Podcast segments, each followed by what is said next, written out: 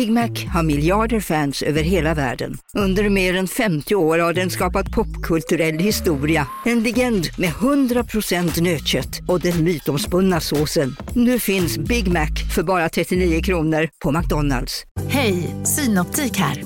Livet med glasögon ska vara bekymmersfritt. Därför får du 30% på alla glasögon när du väljer Synoptik All Inclusive. All service ingår alltid. Välkommen till Synoptik. Hej, Susanne Axel här. När du gör som jag och listar dig på en av Krys vårdcentraler får du en fast läkarkontakt som kan din sjukdomshistoria. Du får träffa erfarna specialister, tillgång till lättakuten och så kan du chatta med vårdpersonalen. Så gör ditt viktigaste val idag, lista dig hos Kry.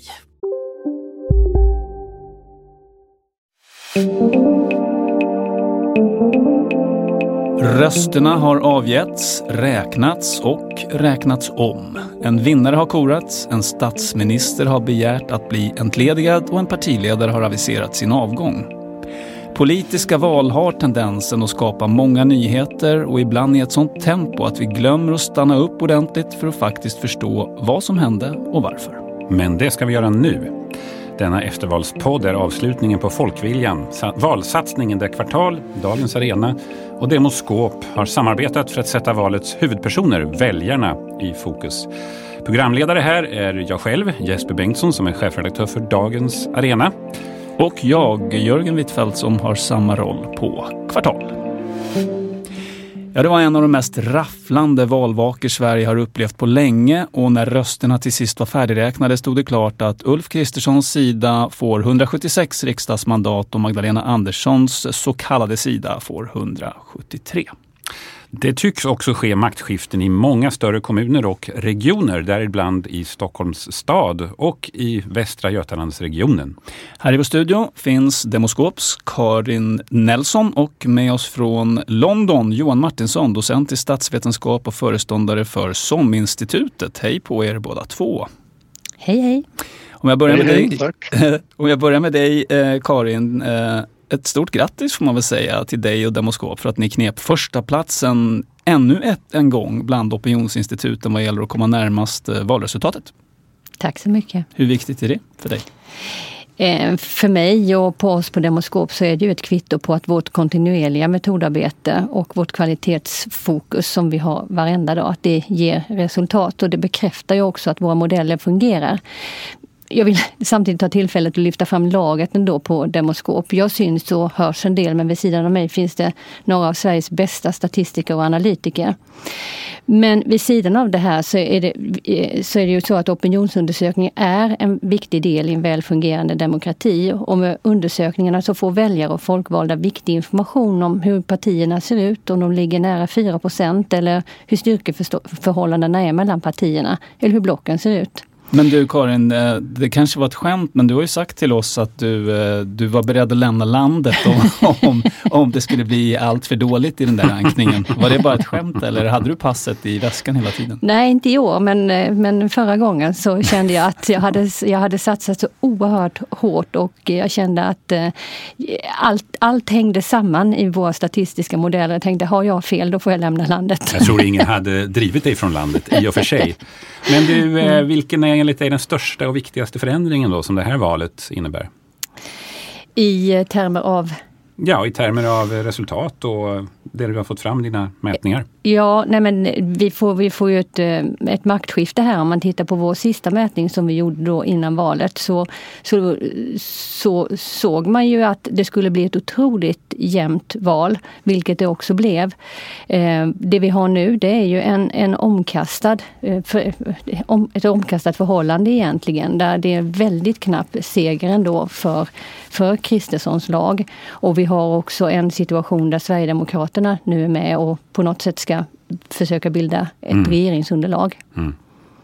Det är fascinerande ändå måste jag säga Johan Martinsson att eh, nu eh, så grillas då Magdalena Andersson och Annie Lööf och talar om varför förlorade ni? Det hade bara behövts en mm. procents eh, marginal åt andra hållet så hade det varit omvänt. Det, det är ju ändå fascinerande, eller? Vad säger du? Ja, jo verkligen, eh, det är det ju. Det, det är så små marginaler här och det var oerhört jämnt hela tiden som ni, har, som ni har sagt och det är ju egentligen så det är ju det är inte riktigt rätt fråga. Det är ju bättre att titta på vilka partier gick framåt mest så att säga och vilka gick bakåt mer än väntat. Det är en bättre fråga egentligen för att börja utkräva ansvar av partiledare och så vidare men det är ju eh, det här valet, det kommer ju bli historiskt. Det var ju stora förändringar. Men Socialdemokraterna, Socialdemokraterna har ju gjort det, får man ändå säga, ett fantastiskt val om man tittar ut över Europa. Och ändå så får de liksom prata om varför de förlorade och vad de har gjort för fel och sådär. Det finns en paradox där ju.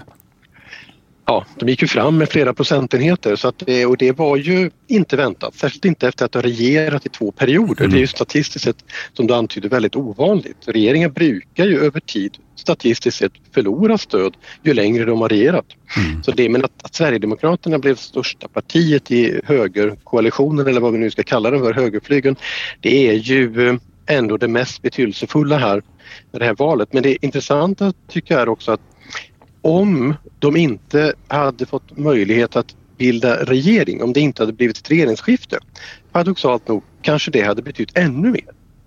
Betydelsen av att Sverigedemokraterna går om Moderaterna kanske hade blivit större just om det inte hade blivit regeringsskifte. För då hade de blivit största oppositionspartiet under en hel mandatperiod. Nu blir de någon typ av samarbetsregering till eller i en regering. Och Ulf Kristersson hade fått hålla samma presskonferens som Annie Lööf höll häromdagen förmodligen. Mm, mm. Mm. Troligen. Det intressanta där tycker jag, för det är ju verkligen en eh, intressant eh, utveckling att Socialdemokraterna lyckades gå upp för första gången sedan 94, liksom på ett substantiellt sätt, i ett läge där nästan alla betraktar att det är kris i landet också. Mm. Eh, Sverigedemokraterna är ju lättare att förstå någonstans. Det är, mm. det, det är missnöjet som det kanaliserar. Eh, om vi tittar på mätningarna igen då här. En kritik som kommit fram är ju att det kom väldigt täta mätningar varje dag. Där det skiftade ganska mycket mellan dagarna också. Och eh, frågan som har ställts är ju hur det har kommit att påverka valresultatet. Vad, vad säger ni om det? Alltså, vi gör ju mätningar varje dag året runt eh, för att vi ska kunna ta ut en väljarbarometer eh, när det finns anledning. Och vi, vi har ju oftare lite kortare fältperioder, kanske en dryg vecka för att just kunna fånga upp förändringar och förklara förändringar som har skett. Men man ska ju veta ändå att det är alltid mediehuset som beslutar kring när en publicering sker. Och vår partner då Aftonbladet bestämde att en gång i veckan var tillräckligt. Eh, och det tycker jag var ett klokt beslut. Eh, vi har därmed inte ändrat någonting i sättet eh, att göra vår väljarbarometer under valrörelsen. Eh, och det är ju så att det är inte så mycket egentligen som hände under, under valrörelsen mer än att SD gick om Eh, Moderaterna och, eh, Sverige, Sverige, eh, och Socialdemokraterna gick fram något jämfört med början av augusti i alla fall. Miljöpartiets uppgång är väl också en förändring under själva valrörelsen? Ja, det kan man säga. Vi, vi så, men den, den, är inte så stor egentligen mm. i våra mätningar. För Miljöpartiet kom över spärren i vår julimätning. Mm. Men risken med dagliga mätningar och, och det vi också såg, och som du var inne på Jesper, det är ju att det blir väldigt slagigt och lite flaxigt kanske. Man får en veckodagseffekt i intervjuerna när man behöver, och, och man behöver då ha en bra koll på den statistiska verktygslådan för att kunna hantera det. Mm. Som rubriksättare får man massor av möjligheter att skriva Moderaterna starkt starkt framåt, ja. Eh, Miljöpartiet går bakåt. Trots att det kanske bara är liksom förändringar som över, på lite längre sikt inte alls finns egentligen. Nej, särskilt om man då dagen efter skriver rubriken Moderaterna backar. Exakt, det var ju så ja. emellanåt, eller hur mm. Karin? Ja visst var det så. Men eh, Johan Martinsson, eh, en fråga som lite ligger bakom det här är ju om opinionsmätningar, hur mycket de faktiskt påverkar väljarna eh, och därmed också påverkar mm. valresultatet. Vad, vad, vad, vet vi om det? Mm. Jo, ehm, alltså det finns ju några aspekter som är viktiga här och det finns en del forskning kring det, absolut. Alltså, jag kan börja med att säga att personligen, innan jag går in på forskningen, så tycker jag inte alls illa om själva idén bakom dagliga mätningar. Ehm, men det är väl också kanske min forskarinställning att ju mer data desto bättre. Ju mer information får vi tillgänglig. Men den måste ju i så fall göras väldigt noggrant. Vad vi såg i valet kallas dagliga mätningar men det är egentligen uppdateringar. Och de omdiskuterade framförallt på SVT, då var ju tredagarsmätningar, inte endagsmätningar. Så jag tänker som så att kan man säkerställa att det verkligen fungerar, det är stabilt och pålitligt så är det inte fel med informationen dagligen men troligtvis har ingen råd att göra det tillräckligt bra och det kanske inte metodologiskt är möjligt för egentligen skulle ju all data samlas in på en enda dag men ändå kunna vara representativ för allmänheten.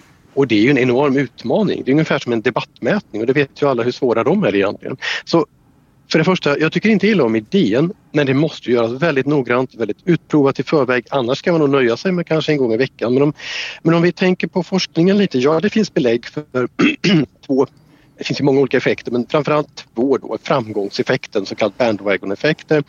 Det finns lite motstridiga resultat som alltid inom forskningen men det finns ändå vissa belägg på att partier som går framåt det kan generera mer framgång. Eh, men här tycker väl jag att den är väl egentligen inte något demokratiskt problem.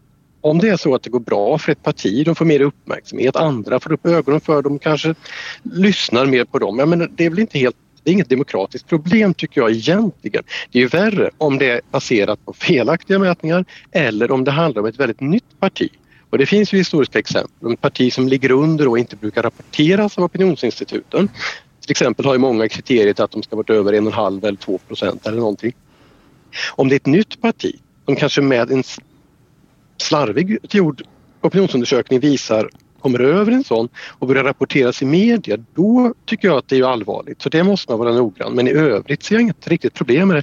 Taktikröstning är ju den andra aspekten och det vet vi väldigt mycket om att det finns klara sådana effekter. Om ett parti ligger nära spärren genererar det mer taktikröster ja, generellt sett men ligger de för långt under och ger människor upp och lämnar partiet och ligger de paradoxalt nog för högt över spärren kan också då taktikrösterna börja överge partiet helt enkelt för att det behövs inte taktikrösten så då väljer de sitt förstahandsval istället. Men är det, är, är, det ett, är det liksom ett demokratiskt problem eller är det bra? Alltså både och. I grunden är det nog bra för att människor har ju, det är ju ett komplicerat politiskt system. Det, man kan ju tycka såklart, och det är väl många, att människor ska bara rösta på de partier de tycker har den absolut bästa politiken. Sen ska de förhandla och bilda en majoritet och så förverkligas folkviljan och så vidare. Men egentligen har de ju preferenser för regeringar också. Även om informationen är lite oklar ibland, särskilt i Sverige, för tänkta koalitioner. Men jag tycker nog i grunden att välgrundad information för taktikröstning är egentligen bra. Mm. Men där är det ju viktigt då att den är eh, korrekt. Då lämnar vi mätningarna och går till valresultatet lite mer i detalj. Eh, vi inleder med att gå lite djupare in på frågan hur partierna presterade och vilka tendenser vi kunde se innan. Eh, vid vissa val har det hänt saker under de sista veckorna som snabbt kastar, opinion, kastar om opinionen. Hur var det den här gången? Ja, jag tänker att det var egentligen inte så väldigt mycket som hände under, under den sista månaden innan valet. Det, det fortsatte att pratas om skjutningar. Vi hade ett par väldigt tragiska, tragiska händelser. Eh, debatterna handlade väldigt mycket om att energipriserna var i fokus. Vi pratade om att ökad inflation och höjda priser men det var ingenting egentligen som var en game changer. I valet 2002 så hade vi de här valstugereportagen där företrädare för Moderaterna uttryckte sig på ett sätt som uppfattades som rasistiskt. Och Moderaterna tappade kraftigt i opinionen och Liberalerna fick ett uppsving och Lars Leijonborg blev Lejonkungen. Men det handlade ju egentligen om att det var moderater som gick till Liberalerna. Fanns det möjligen en så omvänd bandwagon-effekt för Moderaterna i det här valet? Det skrevs ju otroligt mycket om att de tappade och det gick så dåligt och Ulf Kristersson var ingen ledare och sådär. Eh, men det verk, hade det verkligen täckning i siffrorna de sista veckorna, Karin? Alltså det, det, som, det som vi såg i siffrorna det var ju att eh, det, det, under, alliansåren så fanns det en väljargemenskap mellan M, KD, C och L och i första hand mellan M, KD och C och L. Men nu har det blivit istället, nu är SD med där. Så att SD-väljarna som då har kommit fram, fram från ja, både Socialdemokraterna i första steget men också väldigt många från Moderaterna, de återvände till Moderaterna. Så att det var inte egentligen så enkelt som att det gick väldigt dåligt för för Moderaterna. Utan att eh, det var, det var många som, moderater som funderade på om de skulle taktikrösta på Liberalerna. Och så stod man och valde. Jo, men om de återvände till Moderaterna från Sverigedemokraterna så ökade Sverigedemokraterna samtidigt. Varifrån fick de sina väljare? De fick sina väljare från Kristdemokraterna. De fick sina väljare också från Moderaterna naturligtvis, ett litet nettoflöde. Mm. De fick eh, också från Socialdemokraterna och de fick lite grann från, från alla partier egentligen. För att ett, ett argument för det är att, att eh, Sverigedemokraterna, förutom att de betraktas som originalet, så kunde man också se att ja, men nu är det sju partier som har försökt att lösa, det, lösa de problem som Sverige har. Mm då är det kanske dags för ett annat, resonerade vissa väljare. Och då spelar det ingen roll vilket parti de kommer ifrån egentligen. Vi var inne på det tidigare, eh, Johan Martinsson, att Socialdemokraterna gjorde ett väldigt bra val. Eh, det är möjligt att du som ska svara på den här Karin, jag vet inte. Men vad var det framför allt som gjorde att Magdalena Anderssons sida inte fick majoritet till slut? Eh, vi börjar med dig Karin. Ja, alltså det handlade ju om eh, det handlar ju inte om Socialdemokraterna egentligen som gjorde ett bra val utan Vänsterpartiet tappade och Centern tappade. Och då var det också så att, eh, att eh, från Vänsterpartiet så var det en del som eh, som valde att stödrösta på Miljöpartiet. För Miljöpartiet har ju också legat under spärren och var beroende av stödröster. Så det är kanske mer en förskjutning åt Kristerssons sida. Men alltså det var, skedde kannibalism inom vänsterblocket då kan man säga och de, i den mån eh, blockbytare fanns, fanns de då mellan Centern och Liberalerna? Var det där kampen i själva verket stod? Eller? Ja, det, det också. Men det var ju en del miljöpartister som gick till Centern. För att man tyckte att eh, man, alltså, Annie Lööf var otroligt uppskattad i eh, Jo men det påverkar inte blockfördelningen tänker jag. Utan det som avgjorde valet måste ju ha varit förflyttningar mellan blocken. Vad var det framförallt för förflyttningar mellan blocken som avgjorde? Ja det är ju i, i Liberalerna som det finns precis som du säger. Okay. Att det var centerpartister som gick till, eh, som, som inte ville ha Magdalena Andersson. De gick till kanske till Moderaterna eller till Liberalerna. Och sen var det också så att från Socialdemokraterna såg vi också ett flöde till SD. Mm. Ska vi ta oss vidare till eh, väljargrupper? Jesper? Mm. Sverigedemokraterna beskrivs ju som valets stora vinnare och är ju det också om man ser till procentenheter. Eh, och en sak som har fått stor uppmärksamhet är att de har gjort inbrytningar i de övriga två stora partiernas kärngrupper. Vi var inne på det lite tidigare här. De är lika stora som Moderaterna bland företagare och nästan lika stora som Socialdemokraterna bland arbetare. Eh, Johan Martinsson, hur anmärkningsvärt är det här egentligen? Ja, alltså det är ju egentligen inte någon större nyhet just nu. Det här har ju pågått ganska länge, särskilt vad gäller desinbrytning bland arbetarväljare och eh, LO-väljare så har ju den diskussionen funnits ganska länge och det har ju också Sverigedemokraterna utnyttjat i olika kampanjer tidigare att visa hur stor andel av LO-kollektivet då som faktiskt sympatiserar med dem. Men det är klart att det, det hur anmärkningsvärt det är och bland det, när vi ser inbrytningar bland företagare och även jordbrukare det är ju också en del i att de är starkare på landsbygden helt enkelt än i städerna. Um, men jag ser inte just de här inbrytningarna i de andras kärnväljare som så anmärkningsvärd nu. För det har egentligen, de här tecknen såg vi redan tidigare egentligen. Samtidigt har det funnits uppgifter där om att bland just LO-medlemmar så är Socialdemokraterna fortfarande mm. ganska mycket större. Det kanske finns en skillnad här mellan begreppet arbetare och LO-medlem mm. också. Ja, precis. Ehm, så kan det absolut vara. Idag är det väldigt svårt överhuvudtaget för många att de här begreppen arbetare och arbetarklass, för när man använder dem i olika studier och enkätstudier så är de ganska svåra att använda numera. Mm. Men bygger det på självskattning? Att man själv säger att jag är arbetare? Eller vad, alltså, för annars brukar det traditionellt ja. sett vara just LO-anslutna väl? Mm. Det finns ju olika varianter, det gör det absolut. Och, och jag tycker att det är lättast egentligen att titta på eh, fackförbundstillhörigheten. Sen, det finns både självidentifierade frågor i vissa enkäter och en del andra bygger på yrkeskodning som är ett digert arbete men som görs ibland. Så det, det finns ju väldigt mycket information här egentligen. Eh, Mm, men får jag fråga en annan sak? Alltså Centern eh, var ju mm. valets stora förlorare om man tittar på liksom relativ storlek förra valet jämfört med nu. Och Sverigedemokraterna lyckades ju faktiskt ta ganska många röster bland lantbrukare och landsbygdsbefolkning. Och det som särskilt överraskade mig i alla fall, det var hur bra de plötsligt gick i Norrland. Det har man liksom trott att vara anti-SD-land, men inte längre. Mm. Vad kan det bero på, tror du Johan? Mm. Ja, jo, men det har ju varit precis så att de har varit väldigt svaga i Norrland faktiskt väldigt länge, en oerhört stor skillnad. Men det här valet, det är svårt att säga exakt vad det beror på. Som forskare vill jag alltid invänta mer data, men det kan man inte alltid göra. Och idag så, alltså, jag, jag tolkar det här som att egentligen, en del har ju beskrivit valet som att väljarna, särskilt då någon sorts bred mittenväljare som faktiskt kan tänka sig att stödja olika regeringsalternativ här. Vi ska komma ihåg att det är ganska få, men det är de det har handlat om och på något sätt blev det ett val mellan vad, vad är värst har ju många beskrivit det som. Jag delar nog den bilden här när man tittar på media och debatter att å ena sidan de väljarna som då har förflyttat sig till SD till exempel bort från Centern och liknande. Eh, det är mycket att är det, är det SD som regeringsstödjande parti eller hur det nu blir, är det farligare än Vänsterpartiet och Miljöpartiet?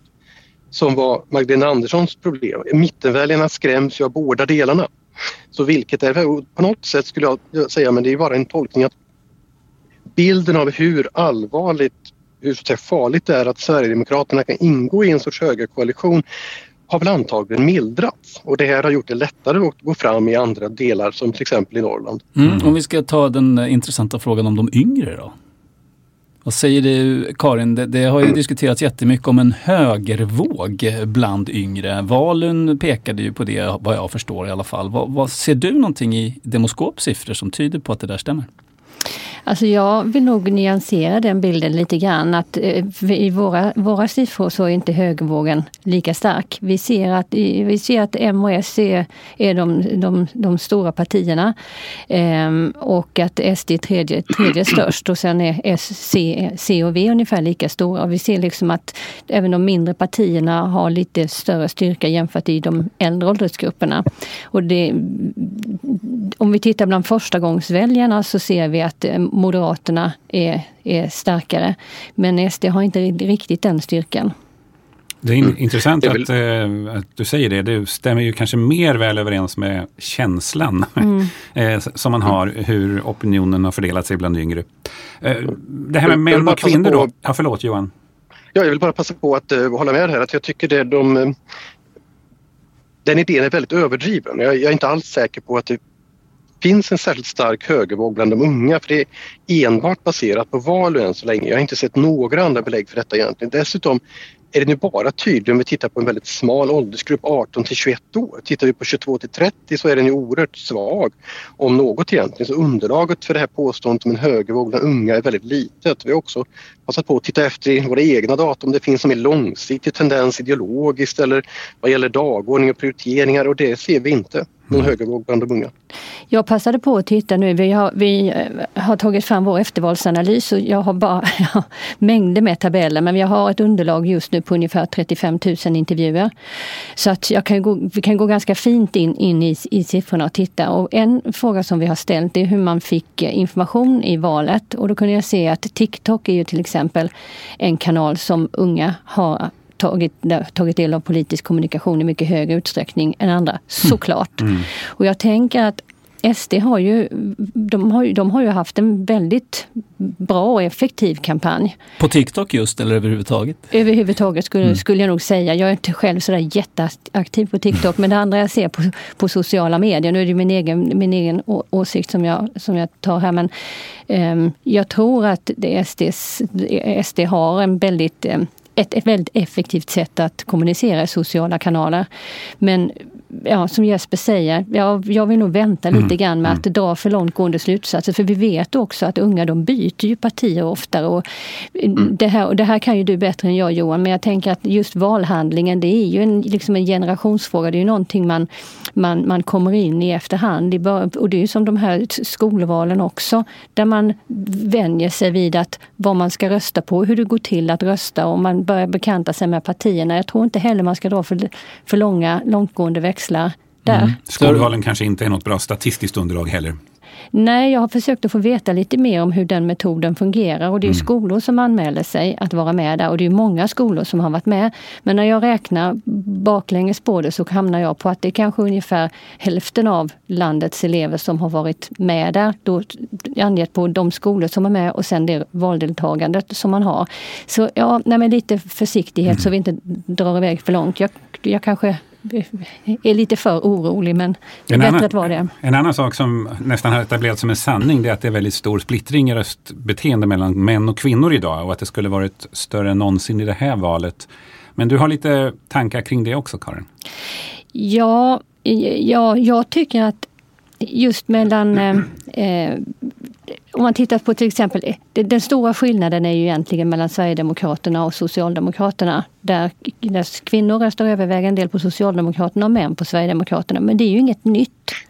Det har vi sett sen, ja jag har sett det i alla fall sedan 2014 att man har det här. Så när man tittar på väljarbarometrar varje månad så kan man se att, att det, att det varierar. Partiernas opinionsstöd ökar och minskar och då är det ibland så att det är kvinnor eller män som väljer att byta partier. Och ett exempel är ju då när Anna Kinberg Batra hade det motigt som partiledare. Då var det väldigt många män som lämnade Moderaterna till, för Sverigedemokraterna. Johan, och, då, och, då, var plötsligt Moderaterna ett mer kvinnligt dominerat parti. Johan Martinsson, jag har ju ändå sett mm. Valu på SVT där de har visat att om kvinnorna fick välja då skulle det bli ungefär 60 procents övervikt för mm. Magdalenas lag och, och, och vice versa med männen. Men menar du att det är inte något ovanligt? Så brukar det vara eller?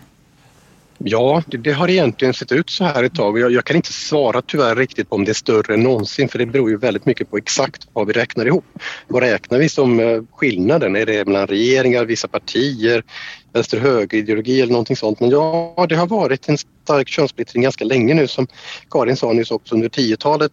Och detta är ju särskilt internationellt sett är det ju ett mycket tydligt fenomen vad gäller framförallt då invandringskritiska partier så finns det här och då har det till och med gjorts mycket bra vetenskapliga studier som även tar hänsyn till människors åsikter och det kan de till och med visa att även om kvinnor har samma åsikter som liknar eh, de invandringskritiska partiernas åsikter röstar de ändå på dem i lägre utsträckning än vad motsvarande män gör. Och varför Så, undrar man ju.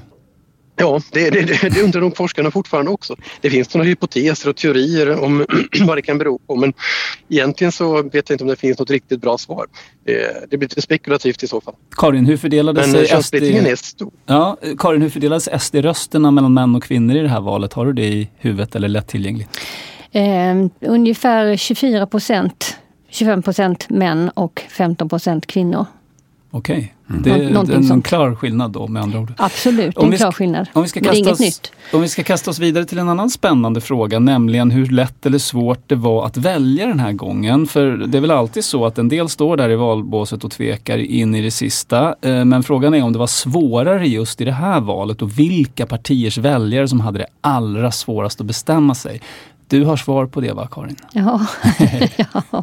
ja vi har ställt den frågan i vår eftervalsanalys. Så där kan man ju se att framförallt liberala, liberala väljare och centerpartistiska väljare tyckte det var svårare än andra. Det var till och med så att eh, centerpartistiska väljare, 20 eh, procent tyckte att det var mycket svårt och 15 procent av de liberala väljarna tyckte det var mycket svårt. Oj, eh, och är det ovanligt höga siffror också för de partierna eller är det som det brukar vara? Eller? Det är, det, är, det, det är högre än vad vi har sett tidigare. Har du någon, eller jag kan ju bolla den till dig Johan, har du någon tanke om varför det kan vara så just det här valet då? Att de mm. just center och liberalväljare tvekade så, så mycket? det, det är intressanta siffror verkligen. Jag har eh, jag tänker väl egentligen att det mest stämmer in med den bilden som, som jag har av det här valet, att det är de som känner mest så kallat korstryck av olika slag. Det vill säga mm. att de väljer mellan två regeringsalternativ och de är partier relativt nära mitten beroende på vad man, ideologiskt eh, numera och då är det just de här problemen. Är det återigen frågan, Centerpartisterna måste kunna acceptera att få en regering som också förhandlar politiken med Vänsterpartiet till exempel och för Liberalerna måste kunna acceptera för att rösta på sitt parti att kanske då få också en regering som där Sverigedemokraterna är med och förhandlar politiken. Bara för att och då blir det ju svårast för dem. Bara för att sätta det i relation till någonting Karin. Det parti där väljarna tvekade minst, vilket var det och hur såg motsvarande siffror ut där? Om det nu var så att var femte centerväljare hade svårt att bestämma sig. Ja, det var ju då Sverigedemokraterna och det, var, det är också helt väntat. De har ju varit väldigt övertygade och starka i sin, å, i sin åsikt och där var det 71 procent som sa att de tyckte att det var mycket lätt. Mm. Och bara 3 procent som tyckte att det var mycket svårt. Det här talar kanske för att Sverigedemokraterna kommer förbli stora under en period, eller vad tror vi om det? Det låter ändå som att de har ganska övertygade väljare. Ja, de har väldigt övertygade väljare. Om man tittar på sen, ja, sen, sen 2010-2014 när, de började, när de började växa ordentligt. Då var, det, då var det förenat med ett visst stigma att liksom säga att man var sverigedemokrat. Eh, de var svårare att nå på i telefonundersökningar, så var lättare att fånga upp i webbenkäter.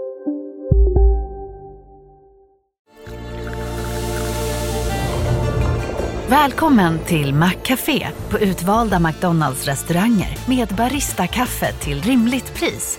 Vad sägs om en latte eller cappuccino för bara 35 kronor? Alltid gjorda av våra utbildade baristor.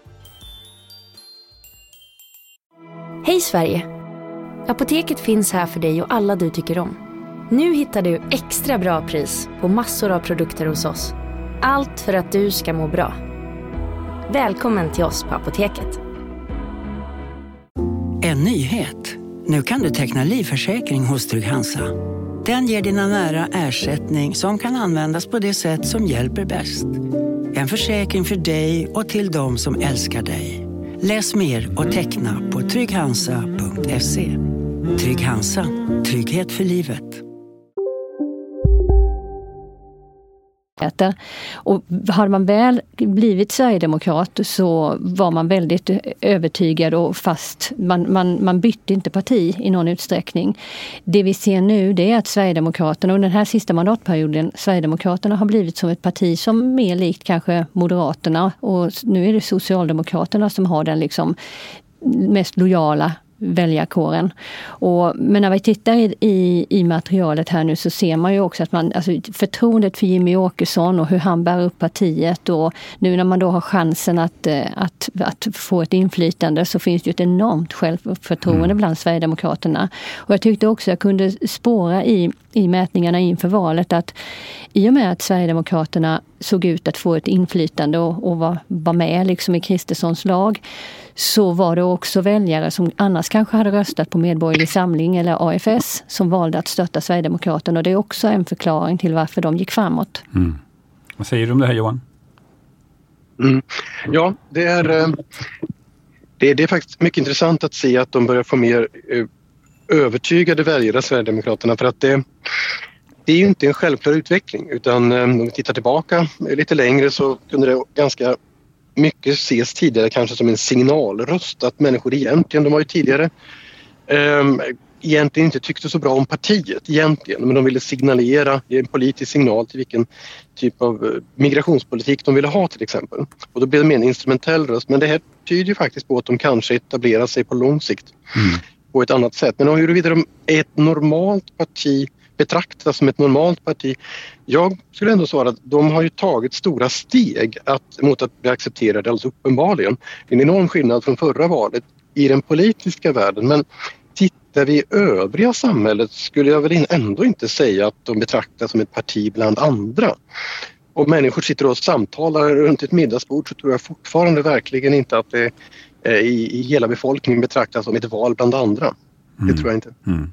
En fråga som är lite länkad till den här om eh, hur övertygade väljare partierna har är ju vilka partier som hade väljare som stod och valde mellan dem och ett annat parti. Hur ser de siffrorna ut Karin? Ska, om vi tittar på just eh, Liberalerna så valde de i första hand mellan just Moderaterna och Liberalerna. Och tittar vi på Centerpartiet, vad de valde mellan, så valde de ju mellan Liberalerna och, eh, och Socialdemokraterna i första hand. Ehm, och Moderaterna valde då mellan, mellan, eh, mellan Liberalerna och Kristdemokraterna och Sverigedemokraterna. Så där har vi liksom... Det, det här är en sak som gjorde att eh, jag, jag trodde när vi gjorde våra väljarbarometrar inför valet att just att fånga upp den här, liksom, den här rörligheten och tveksamheten som fanns bland väljarna, det, det, det såg vi ju. Mm. Men att, att, eh, att, att, eh, kunna fånga det eh, var, var jag ju naturligtvis väldigt glad för. Mm. Men tittar man bland Kristdemokraterna då så valde de mellan Moderaterna och Sverigedemokraterna. Socialdemokraterna valde mellan mellan Vänsterpartiet, Miljöpartiet och Centern faktiskt. Mm. Eh, och Vänsterpartiet valde mellan Socialdemokraterna och Miljöpartiet. Och, Vilket är lätt att se, förstå ja. också rent mm. ideologiskt. Så att säga. Mm. Och sd då? Vad, om de inte hade röstat på SD, vad hade de valt istället? Ja, då är det ju i första hand då Moderaterna. Mm. Och, och sen Kristdemokraterna. Men om man, man kan ju också vända på frågan. Hur många valde egentligen? Vilka var det som inte valde? Ja, I den här eftervalsundersökningen så var det ungefär 40 procent, fyra av tio väljare, som inte valde mellan olika partier. Och den andelen den är då, den är då eh, högst bland socialdemokrater och eh, sverigedemokrater. Johan, går det att säga någonting om det här är ovanligt eh, många väljare som väljer mellan olika partier eller ser det ut ungefär som det brukar göra? Ja, alltså sådana jämförelser av och analyser av trenden behöver ju använda mer jämförbara siffror som till exempel när valundersökningarna kommer, och, men det är först om ett halvår ungefär de är klara och kan jämföras med tidigare val. Men det, är, det har ju sett ut så här länge att partiidentifikationen minskar ju. Allt färre människor känner sig nära knutna till ett visst parti och det här har ju pågått ett halvt, i många decennier i alla fall. Eh, och precis som det, det, verkar också helt rimligt att människor väljer i första hand mellan ideologiskt närstående partier. Mm. Det är ganska få som faktiskt väljer mellan partier som kan ingå i olika regeringsalternativ och blockbytare som det kallas för. Men nu tycker jag blockbegreppet är så otydligt just nu så jag använder det inte för tillfället. Men eh, det, eh, så är det ju, så, så brukar det faktiskt se ut. Och det är med de viktiga väljarna som avgör val och även det här valet inte minst, det är ju de som faktiskt då byter mellan partier men är det då så att eh, kampen faktiskt stod mellan killen vid grillen och Annie Lööf och att det var killen vid grillen som tog hem det den här gången? Ja, sen behöver det det var det nog för att Liberalerna räddades kvar överhuvudtaget i riksdagen. Det, det, den betydelsen kan ju inte underskattas. Mm. Eh, och det var ju inte givet för ett halvår sedan. Mm. Men jag tror inte riktigt eh, killen vid grillen var, var alltså, han var ju en förutsättning för en Kristersson-ledd regering. Johan Persson får vi säga ja. för den som inte har hört den där referensen. Nej, men jag tror det mer handlade om att man ville få till stånd ett annat, eh, ett annat, en annan regering helt enkelt. Mm. Det var det snarare. Och, och, och också att alltså, det, Sverigedemokraterna är fortsatt en, en linje som skär genom politiken i Sverige mer än liksom partierna. Och det är precis som Johan säger, man, man, man väljer mellan de närstående eh, partierna. Men här kanske vi också ser det vi pratade lite om förut, nämligen att eh, de som stod och valde mellan Liberalerna och Centern faktiskt var de som de facto avgjorde vem som sen fick bilda regering. Mm. Mm. Det finns en annan fråga här också. Uh, när man bestämde sig, hur sent? Uh, finns det någon, några trender eller tendenser där, Karin, som uh, skiljer sig från tidigare? Eh, nej, nu ska jag se, nu har inte jag faktiskt de siffrorna just här framför mig, men, men som, jag, som eh, det, det, mönstret som vi ser, det är ungefär som tidigare. Alla, de allra flesta har ju, har ju bestämt sig sedan länge egentligen. Men sen står man och väntar in i det sista Mm, men, att, men, men, med mm. tanke på att det läggs sådana enorma resurser på valrörelsen och partiledarna flänger som torra skinn till varenda poddintervju. Är det lite att elda för kråkorna då? Eller är det ändå precis de här små procenten som ändå avgör valet så att det är värt det? Ja, det måste, det måste ju vara så. det måste mm, vara ja. så. Det kan man ju Sen kan man ju tänka på det också att om något parti inte ansträngt sig till det yttersta så skulle effekterna troligtvis vara större. Mm. För det, men nu jämnar de ju ofta ut sig. Det är ju så att eh, valrörelserna spelar inte en jättestor roll men om något parti skulle göra en väldigt dålig valrörelse mm. eller plötsligt inte har några resurser, då skulle det kunna få en mycket större effekt. Så det är terrorbalans kan man säga? De, de, de liksom översköljer väljarna med massa information och kampanjer lika mycket och därför blir det lika. Fast det kanske spelar störst roll för små partierna tänker jag också. Mm. Att där är ju en procent hit eller dit kanske helt ja. avgörande för om mm. de klarar sig kvar eller inte. Mm. mm. Vi säger så. Och valrörelsen är väl ändå väldigt kort. Om man tänker. En, men en sak som jag har, har funderat på eh, det är att jag brukar alltid se i mätningar när man, inför val att men vi frågar vilket, vilken fråga man tycker är viktigast och sen också vilket parti som har bäst politik för frågan. Mm. Och där brukar alltid andelen som svarar att de inte vet, den brukar sjunka. Men det gjorde mm. den inte i år. Folk var, mm. Väljarna var fortsatt lika os, osäkra mm.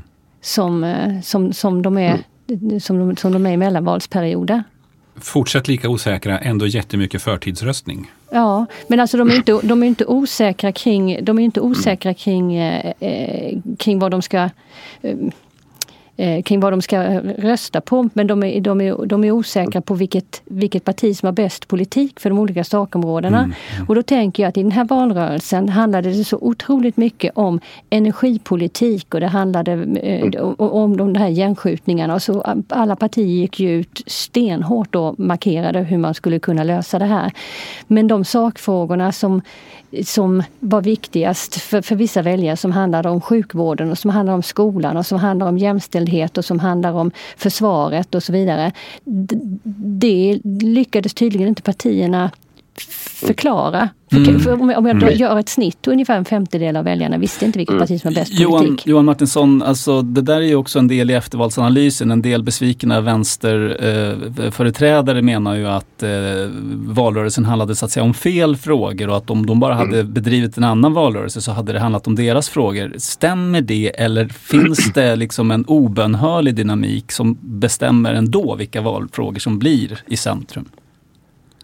Ja, alltså sån kritik är ganska vanlig och partierna, och det, det, är klart att vilka frågor som står i centrum har stor betydelse för valrörelsen.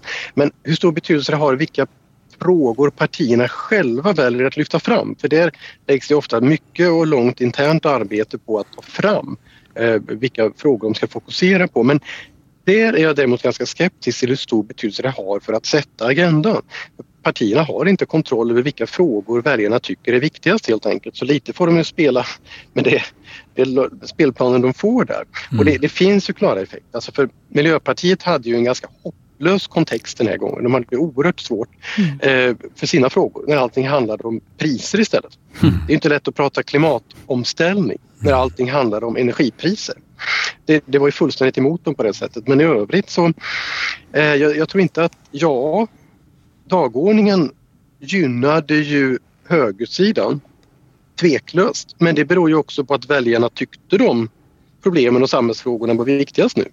Det är ju klart att media har en påverkan här och man kan till och med säga att under en valrörelse så hjälper nästan media till att jämna ut dagordningen och ta upp fler frågor som kanske inte alltid är på topp för, eh, för väljarna just för att få en bättre, bredare bild och information till väljarna. Så ja, jag tycker nog inte att vänstersidan har något att klaga på där egentligen. I så fall får de ju klaga på väljarna så att säga. framförallt, framförallt kanske det var en valrörelse där vi såg att inget parti, möjligen utom Miljöpartiet, försökte mm. sätta en egen dagordning. Ja. Mm. Det har vi sett tidigare valrörelser att de ändå ja. har gjort försök att göra det. Men, men nu var det väldigt tydligt så att de flesta partier mm. pratade om de frågor som stod överst på dagordningen. Men vinster i skolan till exempel var ju ett, ett lyckat eh, exempel och vinstförbud för Socialdemokraterna. Mm. Där de låg helt rätt opinionsmässigt i frågan eh, och eh, det var gan, ganska många tycker en av de viktigaste frågorna, kanske inte absoluta toppen men ganska mycket. Men om de satte agendan är väl tveksamt i och för sig. Mm. mm det var inte riktigt det jag tror att det här Nej. valet kommer döpas till vinster i skolan-valet. Vi kan väl återkomma till vad det ska döpas till på slutet. Men Sveriges utveckling är också en fråga som ni ställer Karin med jämna mellanrum. Om man är optimistisk eller pessimistisk. Mm. Ehm, ja, hur ser det ut just nu? Ja, vi gick ju till val med, en, med de lägsta siffrorna, ja, tangerande de lägsta siffrorna som vi har uppmätt. Och då har vi en fråga som vi ställer om Sverige är på väg åt rätt eller fel håll. Och vi har ju sett, vi har den här tidsserien tillbaka till 2011. Och då, var ju, då hade vi ju en, alliansregering och Reinfeldt var statsminister. Och då, då var ju en, en stor diskussion var ju kring skolan och PISA och att vi rasade i siffrorna och så vidare. Så fick vi ett regeringsskifte och då, då blev blev ju väljarna lite, lite gladare igen. Men sen har det ju liksom stadigt gått utför. Och vi har haft då en decemberöverenskommelse, flyktingkris, terrorattacker. Sen var det 2018 och då fick vi en sällsynt lång regeringsbildning som på alla sätt försökte hålla ute, ute Sverigedemokraterna. Alliansen föll samman och vi fick ett januariavtal. Eh, skjutningarna ökade. Vi hade eh, vi hade, det kom en pandemi. Mm. Och jag ska säga att då när skjutningarna ökade, innan pandemin, då var Sverigedemokraterna största parti i våra mätningar. Mm. Om, om, man bara tittar på den här grafen och försöker förstå den så är mm. alltså, det är en slags balansmått här där noll mm. är att lika många tycker utvecklingen är på väg åt rätt håll som åt fel håll. Mm. Och 2011 då så tyckte ungefär var tredje att utvecklingen, alltså det var 30% fler så att säga, som tyckte mm. att utvecklingen var på väg åt rätt håll. Och nu har den då mer än inverterats mm. eh, om jag läser rätt. Ja. Johan Martinsson, hur mm. anmärkningsvärt är det där att pessimismen är så stor? Då? Ja, alltså Egentligen så eh, det, det är väldigt mycket som tyder på det, inte bara den här frågan. Det är en väldigt bra fråga som också används liknande varianter på den internationellt. Eh, men det finns också andra tecken på att människor är ganska pessimistiska nu. Eh, det är en sorts krisvärld vi har hamnat i på många sätt. Och internationellt sett ska jag börja med att säga att det är faktiskt inte ovanligt att människor oftare svarar just att landet är på väg åt fel håll snarare än åt rätt håll. Det brukar vara fler som säger så, sett över till exempel Ipsos gör en internationell studie om detta där Sverige har ingått ibland. Eh, men däremot så är det faktiskt ändå så att Sverige ligger på den nedre halvan. Det är mer pessimism i Sverige än i de vad det nu var, 30, 40, 50 länder som ingick i Ipsos undersökning än vad det är i genomsnitt. Så, eh, det är inte ovanligt att människor har, svarar negativt på sådana här frågor men det är lite värre i Sverige än i andra länder. Vi har ju en liknande även i SOM-undersökningarna som inte ser helt likadan ut men det är ungefär samma tendens. Det har blivit värre de senaste eh, åren och eh, det är fler som tycker vi är på väg åt fel håll, ja. Men eh, det är skillnaden att den tydliga vattendelaren är efter flyktingkrisen då ännu fler börjar mm. tycka att Sverige är på väg åt fel håll. Det är inte lika tydligt i de här siffrorna. Är det inte lite paradoxalt här att folk såg som mest positivt på utvecklingen när vi befann oss i en pandemi? För det vet jag att siffrorna visar. Mm. Jo men det är det ju då vänder det ju också uppåt. Vi, vi, har en mm. annan fråga vi, vi ställer om sammanhållningen i landet mm. och den ligger alltid liksom lägst på de parametrarna som vi mäter. Men mm. just då under pandemin så kom landet samman. Vi hade borgfred. Socialdemokraterna nådde toppsiffror i opinionsundersökningarna. Då, då kanske vi betraktade det lite mm. från ett lite annat håll ändå, de mm. liv vi lever. Det är också det är också så att den här frågan hänger rent empiriskt i data väldigt nära samman med hur man utvärderar regeringen. Jag har sett i andra studier just att eh, hur man svarar på frågan om Sveriges utveckling det är ganska förknippat med vad man tycker om den nuvarande regeringen. Det ser man inte minst vid regeringsskiften och liknande. Och just vid pandemin så ökade ju förtroendet mm. för regeringen och för Socialdemokraterna inte minst. Så det kan ha spilt, av, spilt över lite grann även på den här frågan, är min mm. tolkning i alla fall. Det är ju en ganska konstant nedåtgående trend här. Kommer det alltid missgynna den sittande regeringen tror ni? Det är väl inte givet egentligen. Men det är klart, det är, det är regeringen som, som, som bär ansvaret. Mm. Det kan ju vara andra omvärldsfaktorer också. För jag tänker att S ändå gick upp. Så att det, det kanske var en tecken på att det inte nödvändigtvis gör det. Mm. Om man ska ge Kristersson lite hopp här framöver. jo, det kan ju vara också att jag menar regeringen gör ju, uppfattas göra bra saker och komma till rätta med saker i människors vardag. För jag tror att det som väljarna är väldigt kritiska till det är just decemberöverenskommelser och januariavtalet. Det ser vi tydligt i våra siffror när man sluter den typen av avtal som på något sätt håller, håller, eh, de, de, håller folk, folkviljan ute då, eh, då, blir, då blir folk kritiska. Mm. Mm. Det tycker de inte om. Ska vi ägna de sista tio minuterna åt eh, sakfrågorna? Det är ju trots allt det som väl i svenska val oftast avgör, eh, har jag förstått det som. Eh, för det första, Karin, stämmer det? Är det sakfrågorna som avgör svenska val eller har jag fått det om bakfoten? Nej, men det är sakfrågorna som väljarna tycker är, är den, det, det allra viktigaste. Och det är samstämmigt egentligen mellan alla, alla mm. väljare. Eh, det är väl ingen skräll vilken sakfråga då som eh, var, eller vilka som var viktigast i det här valet. Eh, men berätta.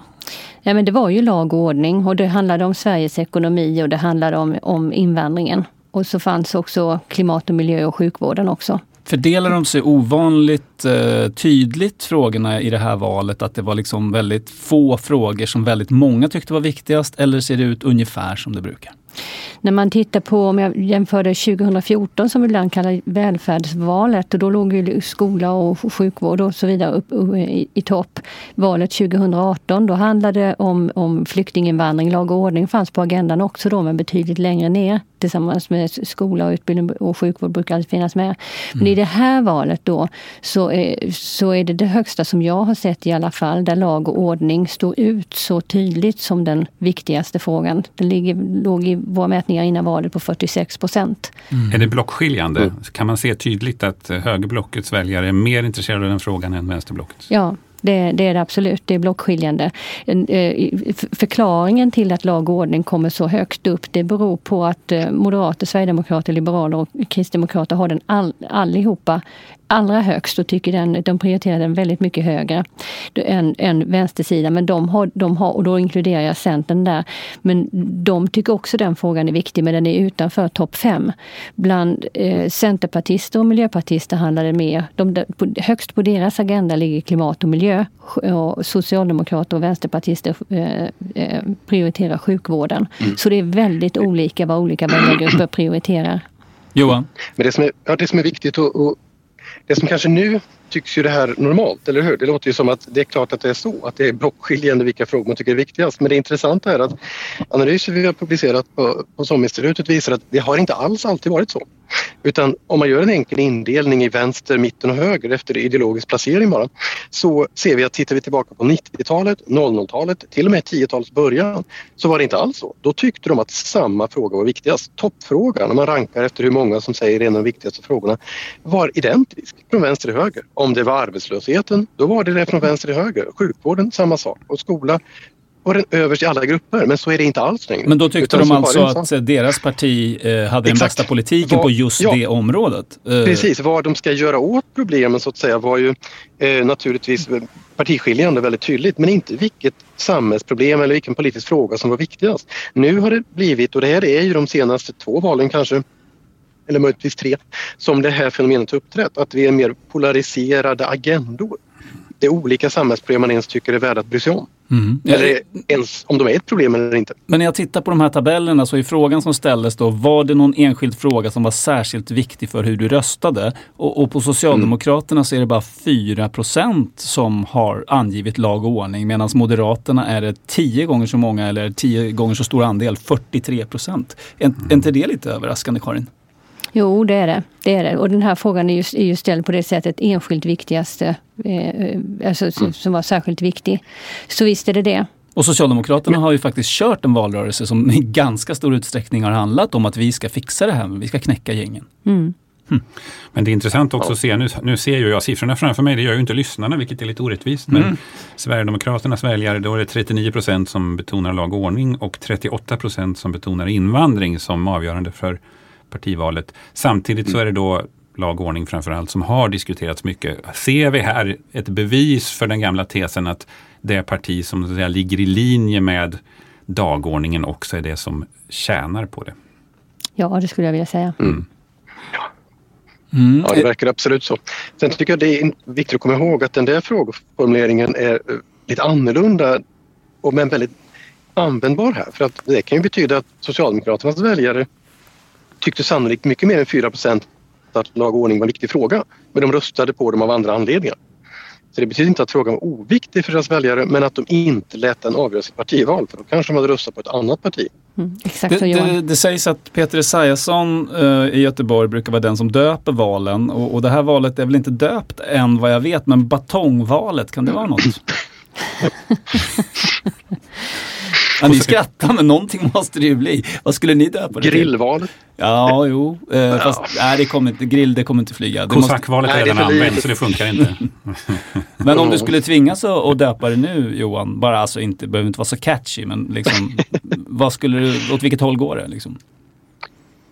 Ja, jag tycker att Ja, lag och ordning har ju stått i centrum visserligen men batongvalet och alla partier har flyttat sig lite åt det mer repressiva hållet i eh, kriminalpolitiken visserligen, men jag skulle nog kanske försöka lyfta fram alla dessa kriser. Energikris, inflation, räntekriser, Ukraina-kriget och så vidare. Men det är väl inte så catchy heller. Men mm. vi har ju samlat på oss fem, sex olika kriser. Flyktingkrisen för länge sedan här som ligger kvar i bakgrunden. Så vi kan räkna upp fem kriser på en gång. Fast ett par av de här kriserna spelade väl ganska liten roll i valdebatten och ja. även ganska lite för partivalet som det ser ut. Eh, ja. Ukraina-krisen till exempel verkar ju inte mm. alls har funnits med i diskussionen ja. eller i partivalet.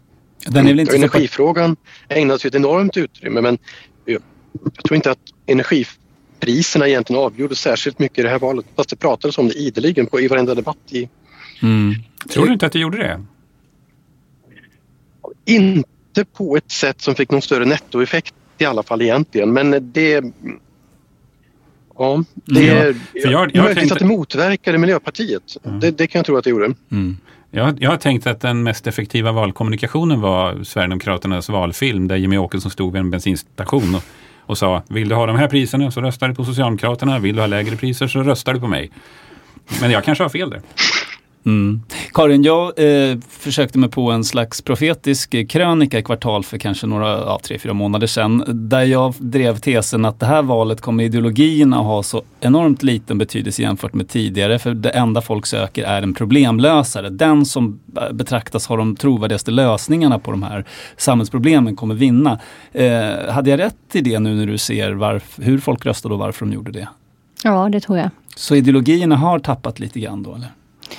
Ja, det tror jag. De har kommit eh, rätt mycket i skymundan här. För ja, som, som Johan är inne på, det här har varit liksom, det är kris på kris på kris på kris. Och det har varit, och jag, jag tänkte liksom, det har handlat så väldigt mycket om eh, energi och så har det handlat om eh, eh, skjutningarna och komma till rätta med det. Och, och så det, det, det, känns liksom som för väljarna så är det, jag har tänkt på Maslows behovspyramidsval. Vi har liksom gått neråt. Det har inte varit så mycket diskussioner kring jämställdhet och ja, den, Eller den, butler i tunnelbanan som var på tapeten för några val sedan. det, nej, det känns som en, nej. som en ilandsfråga kan man säga. Ja, kanske den, någon skulle ha lanserat den här gången. Sett hur det gått. ja, ja, eget rum i vården eller ja, mm. utan, utan här handlar det liksom om, om trygghetsfrågor. Att man ska, när det är en skjutning i en lekpark och, och på, på ett köpcenter, då kommer det liksom väldigt nära och då är det ju liksom de här lösningarna och då är vi tillbaka till det där att vilket parti eller vilken konstellation kan lösa de här frågorna. Och då, om man då vänder sig nu till Sverigedemokraternas framgång så, och det som jag ser att våra respondenter säger att ja, antingen att man, att man vill ha originalet istället för kopian eller att man tycker att nu är det dags att prova någonting annat. Så att jag tror men sen Ja, sen har ju andra partier försökt att bjuda över det på en massa olika sätt för att förklara att vi kan också ta i med hårdhandskarna. Johan Martinsson, hur mycket tror du att Socialdemokraternas alternativ förlorade på att de trots allt har haft makten i åtta år och där finns ju ändå någon form av facit. De har försökt lösa de här problemen på olika sätt medan Kristerssons eh, lag inte har gjort det och inte fått chansen utan varit i opposition. Mm. Jo, jag tror att det spelar ganska stor roll. Eh, det, det är oerhört mycket lättare att eh, för oppositionspartierna just att utkräva ansvar och att visa på ett alternativ att det är prövat. Och det finns ju som sagt en väldigt stark internationell statistiskt belagd tendens att eh, regeringspartier förlorar alltid lite ju längre de har suttit vid makten egentligen och det kan ju vara ett par procentenheter ibland de effekterna så det kan definitivt, jag tror att det spelade en stor roll. Eh, men i grunden så är det också ändå som vi har varit inne på att kombinerar man dagordningen med vilka partier som bedöms ha bäst politik i de viktigaste frågorna hänger det väldigt nära samman med hur valen faller ut. Men vi ska inte heller glömma bort att vi får inte underskatta betydelsen av ideologi och långsiktiga värderingar. För att de mm. färgar ju också människors bild av vilka partier som har bäst lösningar på problemen.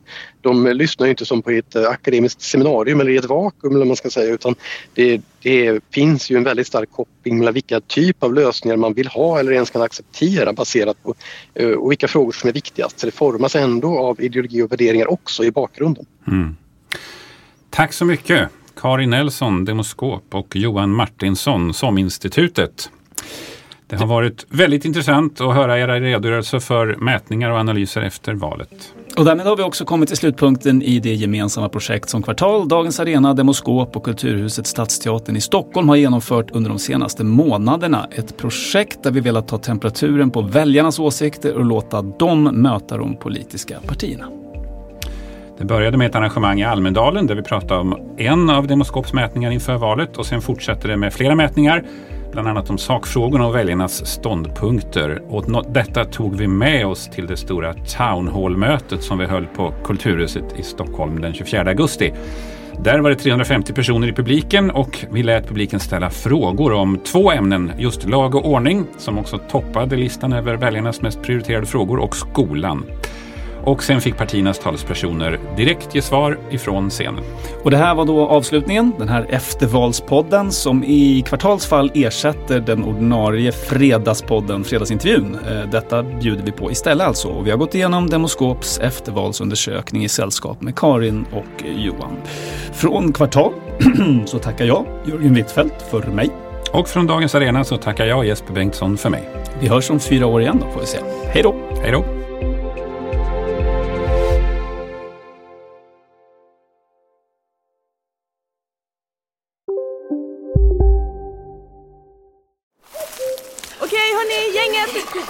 Vad är vårt motto? Allt är inte som du tror. Nej, allt är inte alltid som du tror. Nu täcker vårt nät 99,3 procent av Sveriges befolkning baserat på röstteckning och folkbokföringsadress. Ta reda på mer på 3.se eller i din 3-butik. Välkommen till Maccafé på utvalda McDonalds restauranger med Baristakaffe till rimligt pris. Vad sägs om en latte eller cappuccino för bara 35 kronor? Alltid gjorda av våra utbildade baristor.